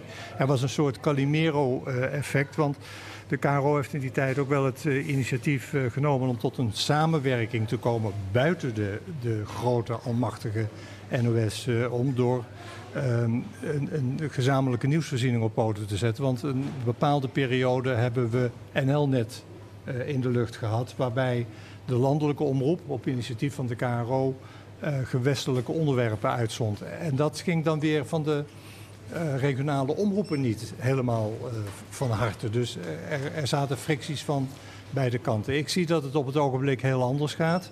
Maar dat houdt ook weer wel een risico in zich. Want mijn persoonlijke opvatting is dat de regio zich zelfstandig en los van het bestaande systeem zou moeten ontwikkelen om te voorkomen dat het weer op het bestaande systeem eh, gaat lijken. Ja. Want ik heb net gezegd, de landelijke omroep, publieke omroep functioneert in mijn ogen wel eh, goed. Maar laat toch ook wel hele belangrijke kansen liggen. Want als je nou ziet dat het land ontzettend gepolariseerd is en dat die problemen van dag tot dag eh, groter worden. Dat er in de samenleving een hele onderstroom aan het ontstaan is die zich niet vertegenwoordigd eh, voelt door de, de bekende instituten. Dus ook niet door de publieke omroep. Dan denk ik, ja, daar blijft toch een, eh, een, belangrijke taak eh, liggen. Dus hou je nou eens bezig met de vraag hoe je dat probleem op kunt lossen, welke rol je daarin moet spelen. En dan ga je kijken hoe je dat organisatorisch in het vat steekt. En hier wordt nog wel eens de fout gemaakt dat eerst naar de organisatie wordt gekeken, die wordt opgetuigd. En alles wordt met alles verbonden. En dan aan het eind wordt eens een keer de vraag beantwoord: en wat gaan we er nu mee doen? Ik zou dat om willen draaien. En ik, ik, ik zou het jammer vinden als de lokale omroep te veel de kleur krijgt eh, van de regie die vanuit Hilversum wordt bepaald. Althans, het is niet zo dat het al het geval is. Maar dat is wel een risico. Dat is niet juist een risico. Ja. Ergens in jou, jij schreef een eh, blog vorige week en daar heb je het over, over het boek Jongen van Kotten. En ehm, daar schrijf je een leuk, een leuk stuk over, vind ik. En, en je refereert daar ook in eh, aan ehm, ehm, eh, de regiosoap, hè, zoals we dat kunnen noemen. De, de opkomst van het genre regiosoap in 2005 van Jongelen een Olle Grond. We hebben het net al even over gehad. Jij zegt een letterlijk een stormachtige opkomst. En misschien is dit iets, ik probeer even de link te leggen tussen wat je nu schrijft, of wat je nu zegt en wat je daar schreef. En, en ook het verleden. Een stormachtige opkomst, schrijf jij in je blog van vorige week, die regio soap. een nieuw genre. Ehm, jij werkte bij de KRO op dat moment. En je zag vanuit het gooi, zoals je schrijft, het fabelachtige succes van dat nieuwe genre. Wat toonde dat aan voor jou? En kunnen we daar nu nog, kunnen we daar nog wat mee nu? Nou ja, dat, dat toonde twee dingen aan. Namelijk dat de uh, landelijke omroep kansen laat liggen door niet iets meer gefocust te zijn op de provincie. Ik heb net al gezegd, uh, de landelijke publieke omroep is wel erg randstedelijk georiënteerd. Kijk maar eens naar die talkshows avond aan avond. Nou, dat gaat zelden over de provincie, terwijl daar ontzettende belangrijke dingen gebeuren. En wat ik in die regio soap, uh, wat mij ook fascineerde, is dat, kijk, je, je kunt een informatieve taak vervullen door traditionele journalistieke programma's te maken. En die zien er dan uit zoals alle journalistieke programma's eruit zien. En er is niks op tegen. Maar die soap liet ook zien dat je cultuur kunt overdragen met een amusementair uh, genre. En amusement is bij de publieke omroep altijd een probleem. Waarom zend je het uit? Zend je het uit om kijkcijfers te genereren? Of uh, moet het dienstbaar zijn aan de boodschap? En de boodschap is impact hebben naar de samenleving. En deze regio soap liet zien dat je uh, op een aardige, amusementaire manier relevante dingen onder de aandacht van het publiek kon, uh, kon brengen. Daarom vond ik dat een belangrijke ontwikkeling. Hoe lang heeft die gelopen, Annie? Uh, vier jaar. Vier jaar.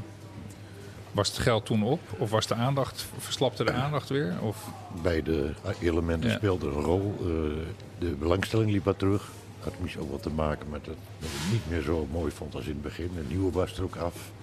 Vinkers was er niet meer bij. Dat speelde mee. En uh, financieel werd het ook steeds moeilijker om het uh, voor elkaar te krijgen. Qua sponsoring, adverteerders. En, maar we zagen langzamerhand die aandacht wat verslappen. En we hebben toen besloten om te stoppen. Maar er had wel een vervolg op moeten komen, vind ik. Heel, anders aangepakt natuurlijk, maar wel weer in die sfeer. Zoals Vinkers zei, je moet het maken. Eén, omdat het wat anders is wat de Randstad allemaal biedt. En ten tweede, het moet de ziel van je eigen mensen raken. Nou, daar was hij een meester in natuurlijk. Dus dan zou je hem daar weer voor moeten benaderen volgens mij. Denk er eens over mee. Johan Nijenhuis was er toen ook bij betrokken. Die is ook mee gaan denken. Die had ook eerst niks met uh, de regio. Is, is het genre nog kansrijk, Tom, denk je? Ja, dat denk ik wel. En, en misschien wel meer dan uh, toen. Omdat er uh, zoveel ongenoegen zit in de samenleving... en de mensen de weg een beetje aan het kwijtraken zijn... En dit soort soaps met de intentie die erachter zit om de cultuur over te dragen, volgens mij een, een, een goed middel is om uh, mensen weer een beetje zelfvertrouwen te ja. geven. Dus het is jammer dat daar niet meer in geïnvesteerd wordt. En ik zie dat ook om die reden niet alleen als een verantwoordelijkheid van de lokale omroep, maar daar zou ook de landelijke omroep verantwoordelijkheid in moeten nemen door het mogelijk te maken, niet door het initiatief over te nemen. Ja, kijk, door van jonge leur en alle grond heeft Vinkers ook toegegeven, is de beentjes van Hildegard ontstaan. Anders was dat nooit gekomen. Heeft hij uh, verklaard, verklaart hij ook al in het boek. En dat was een kastsucces van je welste in Nederland. Ja, Twentse, Twentse serie. Bovendien ontstaat, film. bovendien ontstaat er zo nieuw talent. En als Ja, je dit ja. soort producten Ja. uh, niet maakt, dan ontstaat in de provincie dat talent ook niet. Maar het geeft wel aan dat er in heel Nederland behoefte is aan dit soort eh, regionale invalshoeken. Denk ik ook. Ja. Ik, ik merk dat in tijden van crisis, en daar kunnen we toch wel van spreken op dit moment, mensen toch weer meer en meer behoefte hebben aan, aan dingen van dichtbij. Hè? Nieuw, niet alleen nieuws van Ja. dichtbij, maar ook de. Het moet wel de- goed zijn, hè? Het, tuurlijk, het moet Ja. goed zijn, maar dat is een kwaliteitsnorm die we denk ik eh, per definitie overal op los zouden moeten laten als, als publiek, dat zich, of Ja. publieke omroep die zichzelf serieus neemt. Ja. Maar het is wel een feit dat meer dan ooit mensen weer behoefte hebben aan dingen van dichtbij. En ehm, een soort van bevestiging van waar kom ik vandaan of waar leef ik op dit moment. En daar zie ik toch echt wel een grote kans voor, eh, voor de regionale omroepen. Zie jij bij de regionale omroep kans dat alle regionale omroepen samen nadenken over één landelijke slash regionale soap? Waarbij alle identiteiten van de verschillende regio's Nou, elkaar, elkaar twee dingen. Ik- Het, het, het, het, fenomeen soap is in die zin denk ik nog niet zo heel letterlijk ter sprake gekomen. Daarom stel ik ook die vraag, eh, zou er nog toekomst zijn voor het genre? En, en de vraag stellen is hem wellicht beantwoorden. Dus dat, zou- dat zou kunnen, zeker. Eh, maar er is nog een andere ontwikkeling die zich er nu voordoet. En ik ben wel benieuwd, Ton, hoe jij daarnaar kijkt. Maar dat is een, een, een, omroep als Omroep Max bijvoorbeeld. Die werkt toch ook wel, eh, wel degelijk samen met, nauw samen met regionale omroepen. Hè, bij de ontwikkeling van programma's. Die, die besteden relatief veel aandacht aan, eh, aan het fenomeen eh, regionale cultuur. Ehm, zou je het niet op die manier moeten bekijken? Zou er aan, voor hen ook niet veel aan gelegen zijn, bijvoorbeeld om, om iets als nou ja, regionale soap weer uh, nieuw leven in te blazen? En, maar dan Ja. werk je dus met een, een, een, een landelijke eh, omroep samen. Eh, ja, daar ben ik groot voorstander van. Trouwens ook de reden dat de KRO in de tijd eh, de, de eerste regio-soap heeft eh, uitgezonden. Ik geloof in dat soort... KRO-NCV overigens ook nog steeds eh, behoorlijk eh, Ja. actief op eh, regionaal gebied. Ik, ik geloof in samenwerking tussen omroepen, identiteitsomroepen met eh, de, de regio. Ik geloof niet in alles op een hoop eh, gooien vanuit de veronderstelling dat je zo meer middelen hebt en dat er dan een mooier product eh, ontstaat. Want ik denk dat, dat eh, lokale identiteit nog wel belangrijk is en die gaat in grote samenwerkingsverbanden verloren. Daarom geloof ik niet in de regio-soap waarbij alle regionale omroepen samenwerken en dan gezamenlijk iets, eh, iets maken. Eh, laat, het, laat het regio-initiatieven zijn. Maar ik vind wel dat de landelijke omroepen daar meer verantwoordelijkheid in zouden moeten nemen. Hè? ja. Want dan kom ik weer terug bij die onderstroom in de samenleving die we aan het verliezen zijn. Ik, ik zie niet dat er opvattingen bestaan eh, welke rol de publieke omroep speelt in het aanbrengen van die verbinding. Ja, het wordt wel gezegd dat het een hoofdthema is, maar ik zie daar de resultaten toch niet zo, eh, zo erg van. En eh, al- als je het als een belangrijke taak ziet om het contact met een deel van de samenleving te herstellen, dan lijkt mij een samenwerking van grote landelijke omroepen of een enkele omroep met lokale omroepen erg voor de hand te liggen. Waarbij ze dan wel ieder hun eigen rol moeten kunnen spelen. Dus de een moet niet dominant zijn boven de ander. Want dan loop je het risico weer dat het naar Hilversums inzicht gekleurd wordt. Dat moet je ten koste van alles voorkomen in mijn Ja. visie. Bewaak je cultuur en identiteit. Ja. Maar moderniseer het ook. Hè. De, kijk, mensen die nu zitten te luisteren, die zouden kunnen denken... het is een pleidooi van oude mannen. Om het te, te laten zoals het eh, was. Je moet wel vormen vinden waarbij het voor deze tijd weer betekenis eh, krijgt. Het is niet in nostalgie eh, zwelgen alleen maar, want daar komen we ook niet veel verder. Nee, en vormen kan ook betekenen kanalen. Dat je op een andere manier naar Ja, je kanalen gaat kijken. ja. Of combinaties van Ja, dingen. zeker. Goed, dankjewel Tom. Tot ziens. Eh, tot slot, ik denk dat we een beetje richting afronding gaan. Ehm eh, Henny, eh, in dat stukje waar ik net aan refereerde van Tom Verlind, eh, noemt hij het boek meer dan een biografie. We hadden het net al even over wat voor, wat voor stijl is het nu, hè? Wat, wat, wat voor boek is het. Hij zegt het is een stuk geschiedschrijving vanuit microperspectief. En, en die gedetailleerdheid die is enerzijds heel krachtig in dat boek. Hè. Dat is ook waar, waar ik heel erg op aansla. De, de details, ook de interviews, dat wat je linkt met jouw persoonlijke leven. Wat ook heel gedetailleerd wordt beschreven. Eh, maar kan ook een zwakte zijn. Alles, alles wordt benoemd. Groot en klein, privé tot heel privé. Ehm, ook veel namen noem je. Hè? Ik kan me ook voorstellen dat er mensen bij zijn die misschien niet allemaal even grappig vinden. Eh, of misschien op zijn minst er moeite mee zouden kunnen hebben. Er zit ook veel humor in, die het cynisme ook op zekere manier eh, overstijgt. Eh, Ik heb ervan genoten, zei ik je al. Maar ben ook wel benieuwd naar jouw afdronk of naar jullie afdronk. Henny, jij eerst. Na alle... Nu de, nu de stof is neergedwarreld. En, ehm, hè, na vorige week start eh, de introductie van het boek, eh, interviews, eh, de presentatie in, in Hengelo. de gesprekken die je erover voert, ongetwijfeld mensen. Wat, wat, is je gevoel? Wat zijn de reacties? Over het algemeen zijn die reacties positief. Nou, die van jou ook bijvoorbeeld, je hebt het gelezen. Eh, maar er zijn ook wel kritische noten. Dat is eh, onder andere de, het eh, verschil van mening met eh, de leiding van RTV Oost bijvoorbeeld. Dat, vinden ze wat, moet dat allemaal zo naar buiten? En, moet je intern houden? En dat hoort niet zo. Dat, die kritiek is er. En wat van Tom betreft zijn mooie eh, analyse van, van het boek. Ja, dat is dus groot, is gedetailleerd. Er komen heel veel namen in voor. Maar ja, dat zijn allemaal namen die wel in het leven van de jongen van Korte een belangrijke rol hebben gespeeld. En, die- en dat kun je moeilijk weglaten, vind ik dan. Maar ik snap wel dat iemand in Hilversum of Amsterdam zegt, "Wat- is dat dan? Die ken ik helemaal niet. Ik ken misschien de spelers van FC Twente wel niet eens die ik noem. Ja, dat is... Ik zag dat je op een foto staat met Epi Drost, mijn held van heel lang geleden. Ja, dat is mooi. Daar heb ik mee samengevoetbald. Ik zag het met in, Kik van de, der Vallen. in de zaal. Ja. Ja. Zo, Dat was een, eh, een topteam toen. Ja. Toen al lid van een topteam. Ja, ja, ja. Dus ik ben op zich eh, wel, wel tevreden met de reacties. Maar Het meeste moet nog komen, hè, want het boek is nu echt pas in de boekhandel Ja. en mensen kopen het Ja. niet, moeten het nog lezen. Ja. Dus die echte reacties zullen nog komen. ja. Verwacht je haatmail? Nee, dat is toch niet beter. Na, goed gebruik eh, Met- tegenwoordig met in de maatschappij. Met mijn gunfactor. eh, Een mail voor. Nee, Eh, Dan moet, je, dan moet je hier stoppen, Henny. Dit is, dit is een prachtige uitsmijter met jouw gunfactor.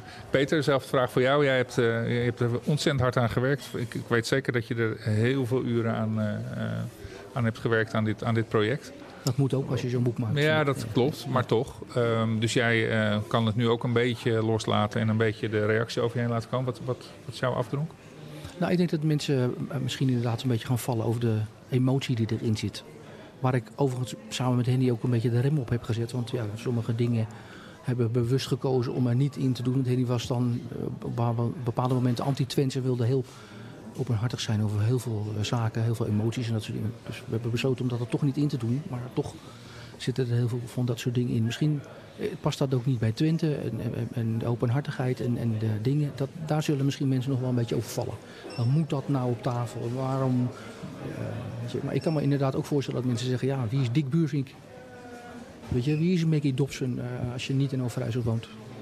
Maar ja, Ja, maar ja, dat gold voor mij. Maar ik vond het daardoor juist weer heel interessant. ja, maar, we misschien- beschrijven wel zeg maar, de belangrijke rollen van de mensen. En bij Maggie Dobson heb ik bewust ook nog een keer extra gekeken naar, de, naar haar collega's in Friesland. En andere provincies Ja. die zeg maar dezelfde rol Zelfde, hebben ver- ver- vervuld. Om, Ja. Omdat het daar ook speelde. Om het ook weer breder te trekken. Daarom zei ik ook, het is geen RTVO's boek.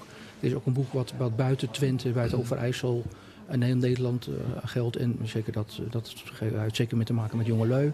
Wat toch een, een standaard heeft gezet. Hè. De ton schrijft er niet voor niks zo, zo over. Dat heeft een belangrijke impact gegeven voor de, voor de KRO. Heel veel succes, succes heeft dat eh, gebracht voor de KRO. Heeft ze geen windeieren gelegd, denk ik.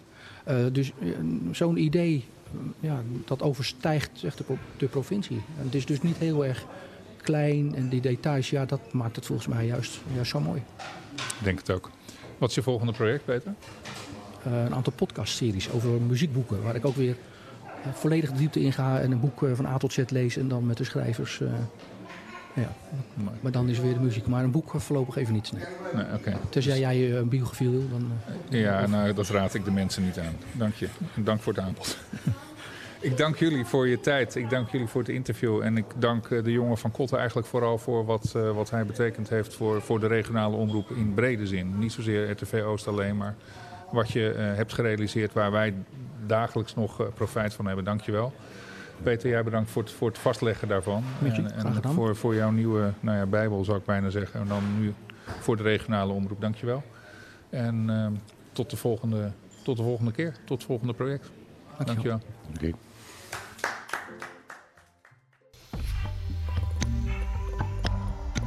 Je luistert naar de recordpoging podcast maken van Dutch Media Week 2022. Binnen enkele ogenblikken staat de volgende podcast voor je klaar.